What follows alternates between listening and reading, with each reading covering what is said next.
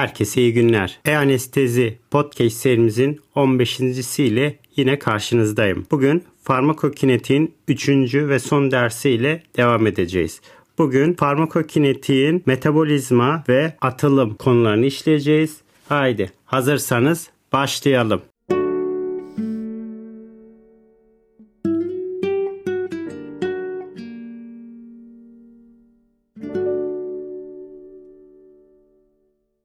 Herkese iyi günler. E Anestezi adını verdiğim bu podcast serisinin 15.siyle yine karşınızdayım. Bugün daha önceki anlattığımız farmakokinetiğin son dersiyle karşınızdayım. Bugün ADME olarak formülize ettiğimiz farmakokinetiğin M ve E metabolizma ve eliminasyon yani atılımını inceleyeceğiz.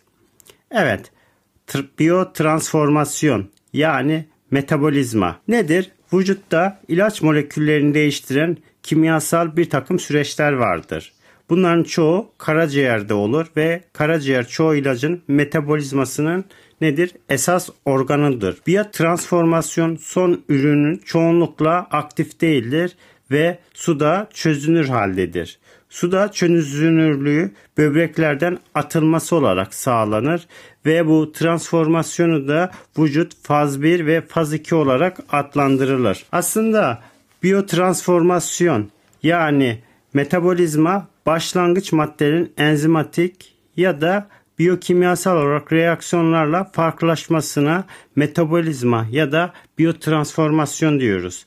Buradaki aslında amaç nedir? Organizmanın atabileceği maddeleri oluşturabilmektir. Bazen başlangıçtan farklı etki gösteren metabolitlerle dönüştürülür ve burada dediğim gibi faz 1 ve faz 2 olarak adlandırılan reaksiyonlar oluşur. Burada faz 1 nedir? Ana bileşiği oksidasyon, redüksiyon, hidroliz, dekarboksilasyon gibi polar metabolitlere dönüştürülür.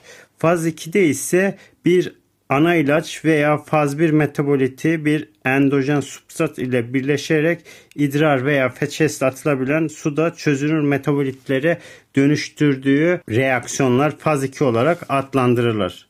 Evet karaciğer burada biyotransformasyon için gerekli enzimlerin çoğu karaciğerdeki endoplazmik retikulumda yer alır. Bunlar maddeye spesifik değildirler ve çeşitli kimyasal yapıdaki maddeleri metabolize edebilirler. Bu reaksiyonlar zamanla ilişkisine göre daha önce bahset biraz önce bahsettiğim gibi faz 1 ve faz 2 olarak incelenen reaksiyonlar oluşturulur. Evet buradaki en önemli konu karaciğer olduğu için hepatik kliranstan bahsedeceğiz. Hepatik klirans ünitesi başına temizlenen kan veya plazma volümü olarak tariflenir. Dakikada milimetre, saatte litre veya akımın başka bir herhangi bir uygun ünitesiyle de ifade edilebilir hepatik klirans. Karaciğere giren her molekül metabolize edilirse hepatik klirans karaciğer kan akımına eşit olacaktır. Çoğu ilaç için ilacın karaciğere giren sadece bir fraksiyonu ortadan kaldırılır. Ortadan kaldırılan bu fraksiyona ekstraksiyon oranı olarak da adlandırılıyor. Hepatik klirens karaciğer kan akımı kere ekstraksiyon oranı olarak da ifade edilebilir.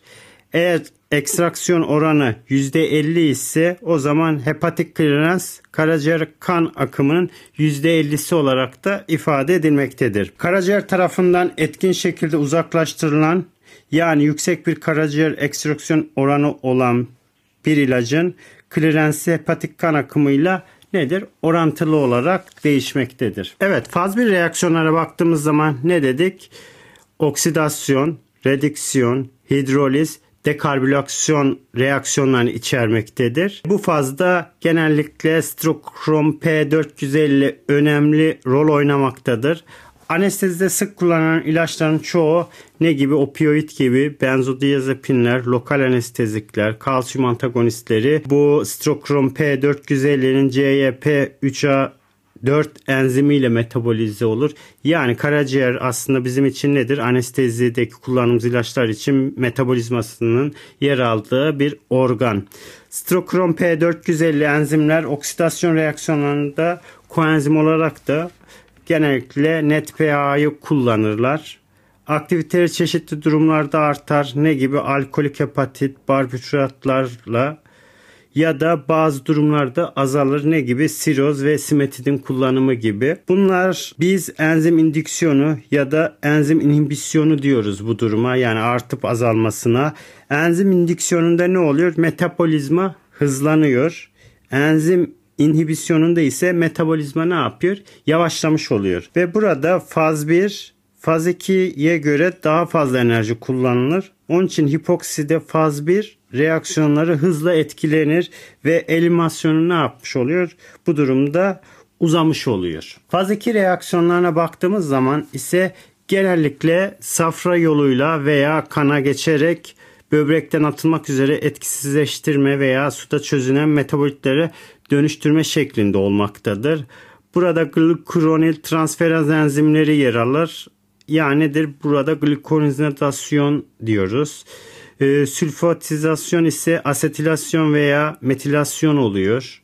İlaçların ilk geçiş etkisiyle biyotransformasyona genellikle uğrayabiliyor. Fakat bu ilk geçiş etkisi özellikle lipofilik maddeleri etkiler ve onların biyo yararlanımını ne yapmış oluyor? Azaltmış oluyor. Evet biyotransformasyon ya da metabolizma şöyle bir kısaca tekrar bakacak olursak nedir? Transformasyon ilacın vücutta değişime uğramasıdır aslında. Nedir? Lipofilik olan ilaçların renal tübüllerden veya bağırsaktan emilmesini bu şekilde değiştirerek kolaylaştırmış oluyor. Bu özellik onların atılımını ne yapmış? Zorlaştırabilir. Bu ilaçlar idrar ya da safra ile atılabilmesi için daha polar, suda çözünen moleküllerin biyotransformasyonu için gerekli olabilir. Biyotransformasyon sayesinde lipofilik moleküllerin birikimi, dolayısıyla toksitesi de bu şekilde ne yapmış oluyor? Önlenmiş oluyor. İlaç metabolitleri genellikle daha inaktiftir. Mesela istisna olarak benzodiazepinleri verebiliriz. Daha az toksiktir. Daha istisna olarak da burada normeperidini verebiliriz. Metabolizmanın primer olarak gerçekleştiği organ nedir? Karaciğerdir. Böbrekler, akciğerler, bağırsaklar ve deride metabolizmanın gerçekleştiği yerler fakat karaciğere göre daha önemsiz düzeyde yer alırlar. Genellikle birbirini izleyen bir süreç olmakla birlikte bazen faz 1 metabolitleri faz 2 reaksiyonuna uğramadan da atılabiliyor. Ya da bir faz 2 reaksiyonu faz 1 reaksiyonundan önce de gerçekleştirmiş olabilir. Fakat genellikle Bunlar birbiri sıra yani faz 1'den sonra faz 2 gerçekleştirilerek olmaktadır. Evet faz 1 reaksiyonları oksidasyon, redüksiyon, hidroliz, dekarbülaksiyon olarak sıraladık. Faz 2 reaksiyonlarını ise genellikle konjugasyon olarak sınıflayabiliyoruz. Farmakokinetiğin son bölümü yani eliminasyona gelecek olursak burada nedir? Vücuttan atılımını yapan kısım Burada molekülün kimyasal değişime uğraması yani metabolizma olması veya biyotransformasyon ve atılım yani ekstraksiyonunu içermektedir. Bunlar 70 bin Dalton'un altında olanlar böbrek ile atılır ve bunlar nedir? Hidrofiliktirler. Daha büyük hidrofilik veya lipofilikler ise değişime uğrayarak atılırlar.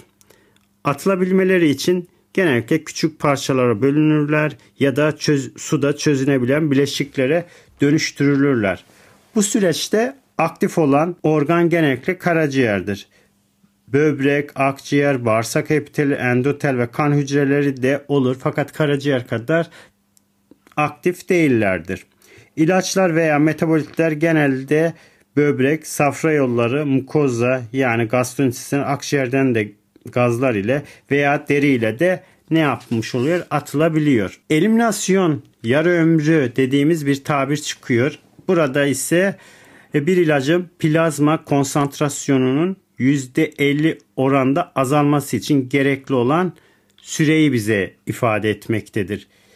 Eliminasyon yarı ömrü tek kompartman modeline sahip ilaçların konsantrasyonu hesaplanmasında önemlidir. Fakat çok kompartmanlarda bu anlamlı hale gelmemektedir. Diğer tabirlere bakacak olursak kontak sensitif half time dediğimiz bir tanım ortaya çıkıyor. Bu da infüzyon süresi ile ilişkili olarak plazma konsantrasyonunun %50 oranında azalması için gereken süreyi ifade etmektedir. Bu çok kompartmanlı modellere de kullanılmaktadır. Fakat büyük oranda ilacın yağda çözünürlüğü ve atılım özellikleriyle ilişkili olarak değişmektedir. İntravenöz infüzyon süresi uzadıkça bu sürede artmaktadır. İlacın eliminasyon yarı ömrü ile sabit bir ilişkisi aslında nedir? Yoktur. Diğer tabirlere bakacak olursak burada bir takım tanımlamalar çıkmaktadır. Plazma yarı ömrü. Bu bir ilacın plazmadaki konsantrasyonun yarıya inmesini ifade etmektedir. Ekilibrasyon yarı ömrü dediğimiz zaman etki başlama zamanını belirler. Dağılım yarı ömrü ise dağılım zamanını ifade etmektedir. Eliminasyon yani terminal yarı ömrü ise eliminasyon zamanını ifade etmektedir. Evet, kontak sensitive half time ise sürekli infüzyon uygulanan bir ilacın infüzyon kesildikten sonra plazma konsantrasyonlarının yarıya inmesi olarak ifade ediliyor. Tiopental ve diazepamın kontak sensitive half time'ı mesela etomidat, propofol ve midozolama göre daha uzundur. Bu süre infüzyon süresinin artmasıyla nedir? ilişkili olarak artmaktadır. Evet burada eliminasyonu etkileyen bir takım faktörler var. Bunlara bakacak olursak yaş önemli bir faktör. Karaciğer böbrek fonksiyonları önemli. Genetik özellikler çünkü burada enzim eksikliği önemli rol oynamaktadır. Yeni doğan ve prematürlerde karaciğer ve böbrek fonksiyonları tam gelişmemiştir ve bu erişkinlere göre eliminasyon yara ömrü daha nedir? Yavaş olacaktır. Yine burada karaciğer ve böbrek yetersizliğinde daha fazla olacaktır, etkilenecektir. Yaşlılarda eliminasyon süreçleri nedir? Yine yavaştır. Böbrekten atılım pH'ya bağlı olarak değişmektedir. Onun için ortamın pH'sı ya da böbreğin fonksiyonu da pH'ya göre etkilenmektedir. Zayıf asitler idrar pH'sının artmasıyla, zayıf bazlar idrar pH'sının düşürülmesiyle iyonize miktarı arttığı için daha fazla nedir? Atılmış olurlar. Genetik polimorfizm veya varyasyonlar özellikle nedir? CYP enzimi kişiler arasında önemli farklılıklar yol açar. Onun için genetik özellikler yani kişisel farklılıklar da bu genetik polimorfizmde enzimlerin eksikliğinde de önemli rol oynamaktadır. Bazı kişilerde enzim eksiklikleri olabilir ve ilaç metabolizması yavaş olur ve ilaçların etkileri daha uzun olabiliyor. Onun için burada kişisel farklılıklar önemli hale gelmektedir. Evet atılıma baktığımız zaman burada da başka bir tabir ortaya çıkmaktadır. Nedir? Pek çok ilaç metaboliti böbrek yoluyla atılıyor. Renal clearance diye bir tabir çıkıyor. Renal clearance bir ilacın vücuttan böbrekler tarafından eliminasyon miktarını ifade etmektedir. Renal clearance, renal kan akımı kere, renal ekstraksiyon oranı olarak da nedir? ifade edilebiliyor. Küçük serbest moleküller plazmadan glomerüler filtrata kolaylıkla geçebiliyor. İlacın iyonize olmayan yani yüksüz fraksiyonları renal tubülüsler tarafından tekrar emilir. İyonize yani yüklenmiş kısımlar ise idrarla atılır. Bu iyonize ilaç fraksiyonu pH'ya nedir? Bağımlıdır. Bu nedenle iyonize ve non-iyonize formlarda bulunan ilaçların renal eliminasyonu kısmen idrar pH'sına bağlı olarak değişebilmektedir. Eliminasyon yani atılım ilaçların vücuttan uzaklaştırılması olarak dedik. Burada ilaçlar ya değişmeden ya da metabolize olduktan sonra yine karaciğer ve böbrekler tarafından atılıyor. E, karaciğerde safra yoluyla atılan bir ilacın hepatik klirensi yani hepatik kan akımı veya hepatik ekstraksiyon oranına bağlı olarak değiştiğini söyledik. Renal yolla atılan ilaçların atılımı ise glomerular filtrasyon yani tubüler sekresyon ve tubüler reap reabsorpsiyon ile belirleniyor. Burada farmakokinetik biraz önce bahsettiğim bir takım kavramlar ortaya çıkıyor. Eliminasyon yarı ömrü dedik. İlacın konsantrasyonun %50 azalması için gereken süreyi ifade etmekte.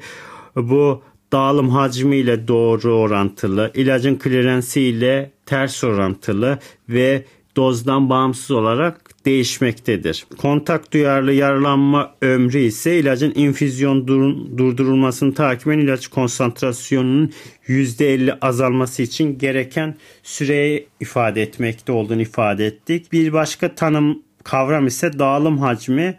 Bu da bolus doz bölü konsantrasyon olarak formüle ediyor. Bu ilaç dağılımının yaygınlığını ölçen bir kavram. Dağılım hacmi. Bir başka tanımlama ise kompartman modellerinden bahsettim. Bu kompartman modellerinde karşımıza çıkan tek kompartman modeli. Burada vücut tek bir homojen kompartman olarak tasarlanmış ve kompartman içinde konsantrasyon gradiyenti nedir? Yoktur bu modelde. Bu modelde clearance, eliminasyon hız sabiti ve dağılım hacminin çarpımına nedir? Eşittir. E, diğer bir model ise iki kompartman modeli. Burada vücut santral ve periferik olarak iki kompartmana ayrılmış. Santral kompartman entravasküler sıvı ve yüksek kanlanan organlar içeriyor ve ilacın alınımı bu organlardaki daha hızlı olmaktadır. Periferik kompartman ise alımın daha yavaş gerçekleştiği durumları ifade etmektedir. Bu denge halinde kompartman arasında konsantrasyon farkı ne yapmış oluyor? Kapanmış oluyor. Diğer bir e, kompartman modeli ise 3 kompartman modeli. Burada birinci kompartman intravasküler sıvı ve akciğer ifade etmekte. İkinci kompartman damardan zengin organları ve kas dokusunu ifade etmekte. Üçüncü kompartman ise cilt ve yağ dokusundan oluşuyor. Bu modele göre birinci kompartman ilk olarak konsantrasyonun eşitlendiği kompartman. ikinci kompartman ise eşitlenmenin hızla geliştiği kompartman. Üçüncü kompartman ise lipofilikler için büyük bir rezervuar görevi gören ve eşitlemenin zaman aldığı bir kompartman modelliğinde ifade etmektedir. Santral kompartman plazma ve akciğerden olan kısım damardan zengindir. Hızlı dengelenen organ ve kaslar ifade eder. Yavaş dengelenen yağ ve derinin olduğu kısmı ifade etmektedir. Bir ilacın uygulanmasını izleyen ilk birkaç dakika içinde ilaç hızla ne yapıyor? Periferik kompartmanlara difüze olduğundan konsantrasyon çok hızlı bir şekilde düşmüş olabiliyor. Konsantrasyonlar çoğunlukla büyüklük sırasına göre 10 dakika boyunca azalıyor ve çok hızlı hepatik klirensli ilaçlar nedir? Propofol veya kanda metabolizma olanlar ne gibi remifental için metabolizma konsantrasyonundaki hızlı düşüşe önemli ölçüde katkı yapıyor. Bu hızlı düşüş takiben plazma konsantrasyonu yavaş bir azalma dönemi izliyor. Ve bu dönem sırasında hızla dengelenen kompartman artık plazmadan ilaç uzaklaştırılmaz ve bunun yerine ilaç hızla dengelenen kompartmandan plazmaya ne yapmış oluyor? Geri dönmüş oluyor.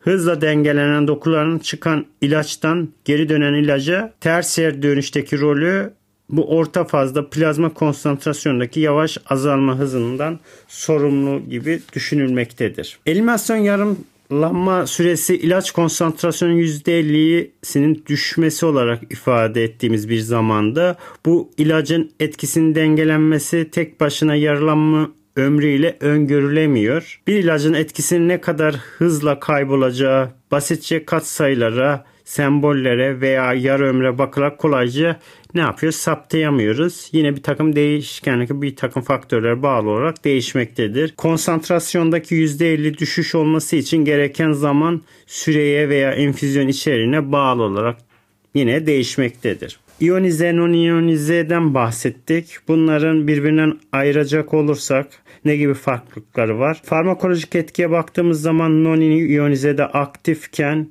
iyonize formda inaktiftir.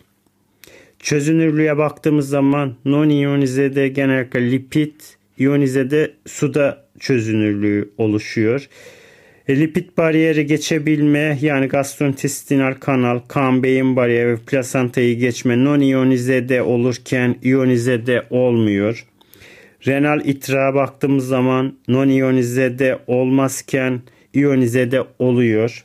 Hepatik metabolizmaya baktığım zaman non-iyonize de olurken iyonize de olmuyor olarak karşımıza çıkmaktadır. Evet son olarak da farmakogenetikten bahsetmek istiyorum.